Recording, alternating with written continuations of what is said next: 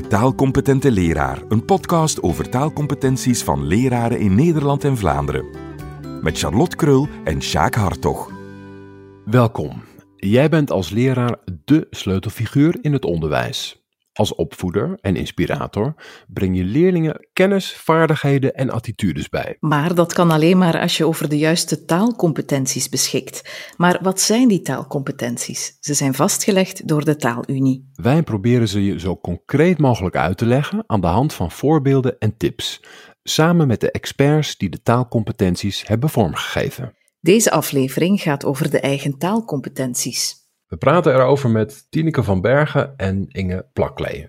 Inge, jij werkt als lerarenopleider project Algemene Vakken aan de Vrije Universiteit Brussel en Hogeschool PXL. Welke lestip van een collega is jou altijd bijgebleven? Ja, goh. ik vind het heel belangrijk om mijn leerlingen zo goed mogelijk te leren kennen. Uh, dus breed observeren, vooraleer dat ik de les uh, ga ontwerpen, vind ik een heel belangrijke. En uh, ja, ik probeer dat te doen vanuit een bril, vanuit mogelijkheden. Wat zijn de kwaliteiten van de leerlingen? Wat zijn hun sterktes? En hoe kunnen we daar dan op verder bouwen? Dat vind ik een hele belangrijke. Tineke, jij werkt als docent didactiek Nederlands en meertaligheid aan Artevelde Hogeschool Gent. Wat vind jij het leukste aan lesgeven, Tineke? Ik vind het zo leuk dat je eigenlijk in die hoofden van je leerlingen moet kruipen. Dus dat je echt moet proberen uh, erachter te komen hoe zij denken, uh, van waaruit zij vertrekken, waar zij mee bezig zijn. En dat je hen dan ook kan zien groeien. Dus uh, zoals Inge daarnet ook zei, dat potentieel zien van je leerlingen, kansen zien, dat vind ik daar zo uitdagend en boeiend aan. We hebben in de afgelopen podcasts de focus gelegd op het didactisch en ook pedagogisch handelen. Vandaag hebben we het over professionalisering, maar wat begrijpen we daar precies onder, Tineke? Je mag dat eigenlijk heel breed bekijken. Hè? Dus het gaat zeker over veel meer dan alleen extra vormingen volgen. Ik denk dan bijvoorbeeld ook aan het bespreekbaar maken van professionaliseringsnoden, met elkaar overleggen over uh, wat er nog nodig is op talig vlak om het als onderwijsprofessional beter te doen. Collegiaal consult daarin, hè, met elkaar als collega's daarover praten. Eventueel zelfs collegiale visitatie, um, in mekaars lessen gaan kijken en dan elkaar tips geven. Of bijvoorbeeld ook het gebruik maken van digitale hulpmiddelen uh, zoals de schrijfassistent van de standaard, vind ik ook een fantastisch hulpmiddel eigenlijk, dat uh, niet alleen feedback geeft, maar ook echt een middel is om aan de eigen talige professionalisering te werken. Hoe is dat voor jou, Inge?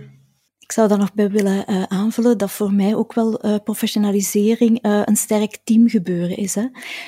als we kijken naar Hetty, dat is een, een onderwijsgoeroe uit Nieuw-Zeeland, die heeft collective teacher efficacy op nummer 1 geplaatst als de hoogste impact op het leren van leerlingen. Daarmee bedoelen we eigenlijk dat het heel belangrijk is dat je als team gaat geloven dat jij het verschil, dat jullie het verschil kunnen maken voor het leren van je leerlingen. Dus we leggen hierbij de lat voor het team erg hoog. En we zien dan ook wel uh, vanuit voorbeelden uit het buitenland dat het heel belangrijk is om een echte leercultuur op scholen te gaan installeren. En die leercultuur die gaat het leren centraal stellen. In de eerste plaats het leren van de leerlingen. Maar om daartoe te komen moet je natuurlijk het leren van leerkrachten ook centraal stellen. En dan moet je samen in team doen. En hoe kan een leraar dan blijven werken aan die taalcompetenties? Ja, dat betekent dat de taalcompetente leraar samen met collega's blijft werken aan een gedeelde taal, op de hoogte blijft van ontwikkelingen en de vaktaal echt gaat bijhouden die daaruit voortvloeit. Hè. En goh, ik, ik denk dan ook weer, ja, als team willen we leerlingen maximale leerkansen uh, gaan bieden. En bijvoorbeeld willen we nog meer gaan inspelen op talige verschillen. En met dat toe voor ogen gaan we dan uh, samen lessen voorbereiden. En we gaan die leeromgeving dan ook samen in de praktijk brengen en nadien ook samen bespreken. Ja, en we gaan nagaan uh, wat werkt en wat werkt niet en, en waarom precies niet ja, en deze manier van, uh, van professionaliseren brengt eigenlijk ja, die professionalisering echt naar de kern van het beroep van leraar. Hè, de lerende professional. Ik vind dat heel belangrijk.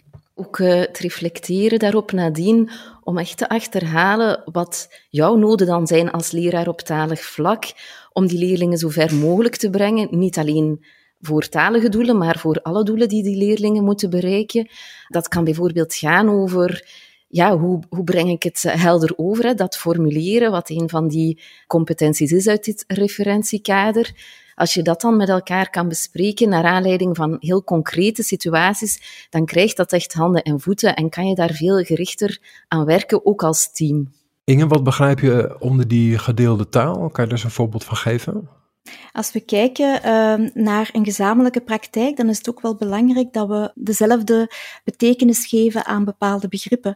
Als ik dan heb bijvoorbeeld over, ja, we gaan het hebben over een krachtige leeromgeving in het beroepsonderwijs, dan is het echt wel belangrijk dat alle leerkrachten dezelfde betekenis schenken aan wat een krachtige leeromgeving is. Hè. Dus als ze het bijvoorbeeld heel belangrijk vinden dat we gaan werken met levensechte, uh, authentieke leertaken bijvoorbeeld. Uh, dus echt wel komen tot, tot een meer gedeelde taal. En ik zie dat um, in, in bepaalde vakgebieden, dat daar echt nog, nog werk aan de winkel is. Hè. Dus dat vakgroepen door met elkaar in dialoog te gaan, komen tot een meer gedeelde taal. En dan is het ook wel belangrijk dat je ook wel meer schooloverstijgende netwerken gaat vormgeven, waarbij dat ook de verschillende teams met elkaar uh, in contact komen.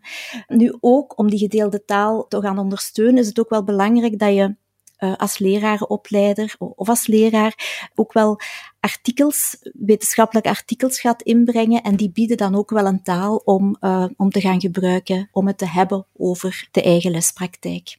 Tineke, heb jij daar iets op aan te vullen? Ja, ik ben het daar ook mee eens. En ik denk bijvoorbeeld ook aan begrippen zoals diversiteit. Hè. Dat is heel erg actueel om daar ook in het onderwijs over te praten als eh, leraren onder elkaar en ook met de leerlingen uiteraard. Maar ik merk toch dat daar nog heel vaak een heel variabele, diverse uh, invulling aan gegeven wordt. En dat het heel belangrijk is om dan aan die betekenisonderhandeling te gaan doen. Ik heb eh, zelf ook de afgelopen maanden een traject gevolgd via VELOF, de Vereniging voor Lerarenopleiders Vlaanderen, waar Inge voorzitter van is, om eigenlijk te werken aan een gedeelde taal om te praten over diversiteit in het onderwijs. Om een goede professional te worden is het belangrijk om, om niet alleen te staan, maar om samen te werken met gelijkgestemden, met collega's. Uh, daar zijn vakverenigingen voor. Ook bij jullie is dat het geval. Je vermeldt hier veel of maar Inge, wat doen jullie precies? Uh, ja, VELOF is de, de Vereniging voor Lerarenopleiders in, Vlaanderen. En we zijn eigenlijk uh, de vereniging uh, die probeert de belangen van lerarenopleiders te behartigen. En een van die belangen is dan ook de professionele ontwikkeling van de lerarenopleider. En we hebben verschillende initiatieven die dat doel proberen uh, te ondersteunen. Eentje daarvan zijn de, zijn de lerende netwerken. We hebben een heel aantal leergemeenschappen die uh, ja, vakgebonden vaak zijn. Een leergemeenschap aardrijkskunde, eentje van diversiteit en burgers in. Uh, dus eigenlijk ja, leergemeenschappen waarbij dat lerarenopleiders zich buigen over hun eigen professionele ontwikkeling en dan werken rond eigen noden die ze hebben. En wat hebben wij vorig jaar gedaan? We hebben uh, met 32 lerarenopleiders samen één vakdidactisch handboek geschreven. En door dat schrijfproces komen we steeds meer tot een gedeelde taal. Hè. Het gaat dan over leren in samenhang, over krachtige leeromgeving in dat beroepsonderwijs. Maar door voortdurend ja, in dialoog te gaan over wat betekent dat nu binnen, binnen die bepaalde context, komen we steeds meer uh, dichter bij elkaar en leren we heel veel van elkaar. In Nederland heb je de VELON, een vereniging van, voor en door lerarenopleiders. Andere initiatieven om van elkaar te leren zijn de jaarlijkse conferentie van HSN, maar ook Lopon 2, dat is de Vlaams-Nederlandse Vereniging voor Lerarenopleiders Nederlands en Nederlands als tweede taal met publicaties en congressen om ervaringen uit te wisselen over taalonderwijs en opleidingsdidactiek. Tineke, jij wou daar nog iets op aanvullen, hè? Um, dat ik het ook wel belangrijk vind eh, dat je eh, enerzijds grote netwerken hebt, eh, leergemeenschappen zoals Velof, maar dat daarnaast dat ook binnen scholen, dat er eigenlijk een soort lerende netwerken ontstaan door werkgroepen te maken, al dan niet binnen de scholengroep, hè, met andere scholen samen, maar zelfs gewoon binnen het eigen schoolteam, dat het belangrijk is om, om in groep aan iets te werken en daar telkens ook die talige component in mee te nemen. Bijvoorbeeld door het herbekijken van de leerlijn muzische vorming ga je ook werken aan een gemeenschappelijke taal om te praten over muzische vorming. En kan er ook weer meer co-creatie ontstaan om lessen muzische vorming te gaan ontwikkelen op maat van de leerlingen.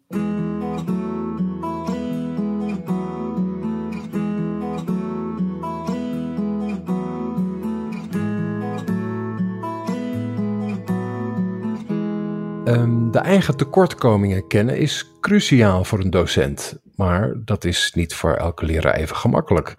Hebben jullie tips om daaraan te werken, om dat bespreekbaar te maken? Tineke? Ja, ik denk dat het belangrijk is om een veilige context te creëren. Je kan dat niet meteen bespreekbaar maken in grote groepen. Ik merk dat ook al bij ons in de opleiding van leraren dat je zoiets niet in grote groepen moet aankaarten, maar dat je ervoor moet zorgen dat er een, een kader gecreëerd wordt. Hè. Bijvoorbeeld, we hebben nu dit referentiekader van de Talenunie.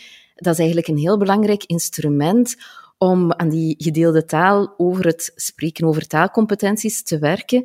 En dat kan je dan gaan gebruiken om daar aspecten uit te gaan halen, meer invulling te geven. Hè, want kaders dienen om invulling te krijgen.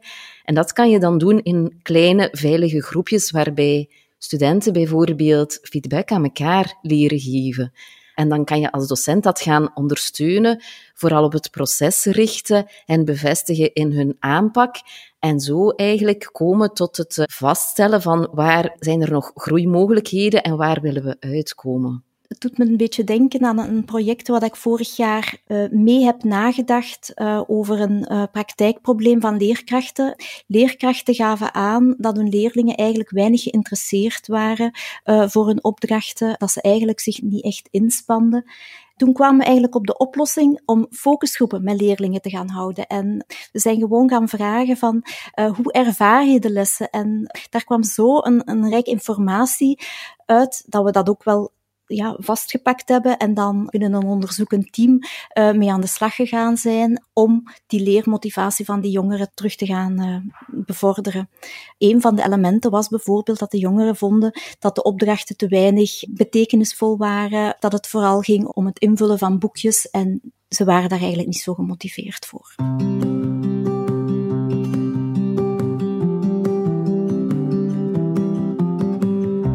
Opvolgen van ontwikkelingen in het onderwijs, een leven lang leren, hoort er ook bij. En dat verfijnen van die taalcompetenties, waar je het net over had, Inge.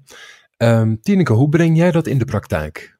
Bij onze studenten in de opleiding geven wij enerzijds een aantal concrete zaken mee, uh, hoe zij hun taalcompetenties kunnen inzetten. Bijvoorbeeld uh, goede manieren om in interactie te gaan met leerlingen, uh, hoe zij talig geschikt lesmateriaal kunnen ontwikkelen, taalontwikkelend lesgeven en taalsteun geven. Dat soort dingen zien zij wel in de opleiding. Maar daarnaast vinden we het ook heel belangrijk dat zij vooral uh, inzetten op die attitude om levenslang te leren, om daaraan te blijven werken. Want wij kunnen nu natuurlijk nog niet voorspellen wat de noden over 10 of 20 of 40 jaar zullen zijn. En het is belangrijk dat zij de juiste attitude hebben om dat snel op te pikken, welke noden er zijn bij hun leerlingen, waar zij op moeten kunnen inspelen via hun taalgebruik eigenlijk, om die leerlingen optimaal tot leren te brengen. Niet alleen het leren van taal, maar het leren in ruime zin natuurlijk. Inge, heb jij er nog iets aan toe te voegen? Het zou eigenlijk een constante bekommernis moeten zijn van leerkrachten om steeds het leren van leerlingen te, willen optimaliseren. En om dat te kunnen doen, moet je natuurlijk bijblijven en, en moet je je blijvend gaan professionaliseren. En om dat te kunnen, is er ook wel heel veel tijd en ruimte nodig. Uh, en directies of leidinggevenden moeten ook wel die tijd en ruimte voorzien, zodanig dat leerkrachten echt wel dat op een goede manier kunnen doen. Want het is meer dan enkel ontwikkelingen opvolgen, ook beleid en evoluties binnen je vakgebied opvolgen en aan je eigen taal werken. Met als focus natuurlijk hoe breng ik de leerstof het meest efficiënt over. Taal is essentieel in die wisselwerking, Tineke. Goh, ja, um, het is door met die leerlingen uh, in interactie te gaan, ook met collega's in interactie te gaan, met de ouders, dat je eigenlijk voor die leerlingen een betere leeromgeving kan creëren. Daarnaast ook het belang van dat formuleren, dus die tweede taalcompetentie geformuleerd in dit referentiekader. Als je niet helder kan formuleren voor de verschillende doelgroepen waarmee je in communicatie gaat, dan kan je ook die krachtige leeromgeving voor die leerlingen niet garanderen. Want dan heb je bijvoorbeeld te weinig informatie over die leerlingen of speel je niet de juiste informatie door aan de partners waar je die leeromgeving samen mee wil creëren. Ook het geven van uitleg. Als je je uitleg niet kan afstemmen op je doelgroep, dan zal je ook die leeromgeving niet krachtig genoeg kunnen maken. Dat taalsteun bieden daar uh, inherent deel van uitmaakt, staat uiteraard buiten kijf. Hè. Het aansluiten bij dat talig repertoire van die leerlingen, bruggen bouwen tussen wat ze al kunnen en de steun die ze nog nodig hebben om de juiste stappen te zetten om met hun taal nieuwe dingen te gaan leren. En natuurlijk ook het uh, creëren van talig geschikt lesmateriaal vraagt heel veel van de taal van die leraar. Dus vandaar dat in het creëren van een krachtige leeromgeving die taal eigenlijk een heel cruciale factor is en het leren van de leerlingen al dan niet doet slagen. Inge, heb jij er nog iets aan toe te voegen?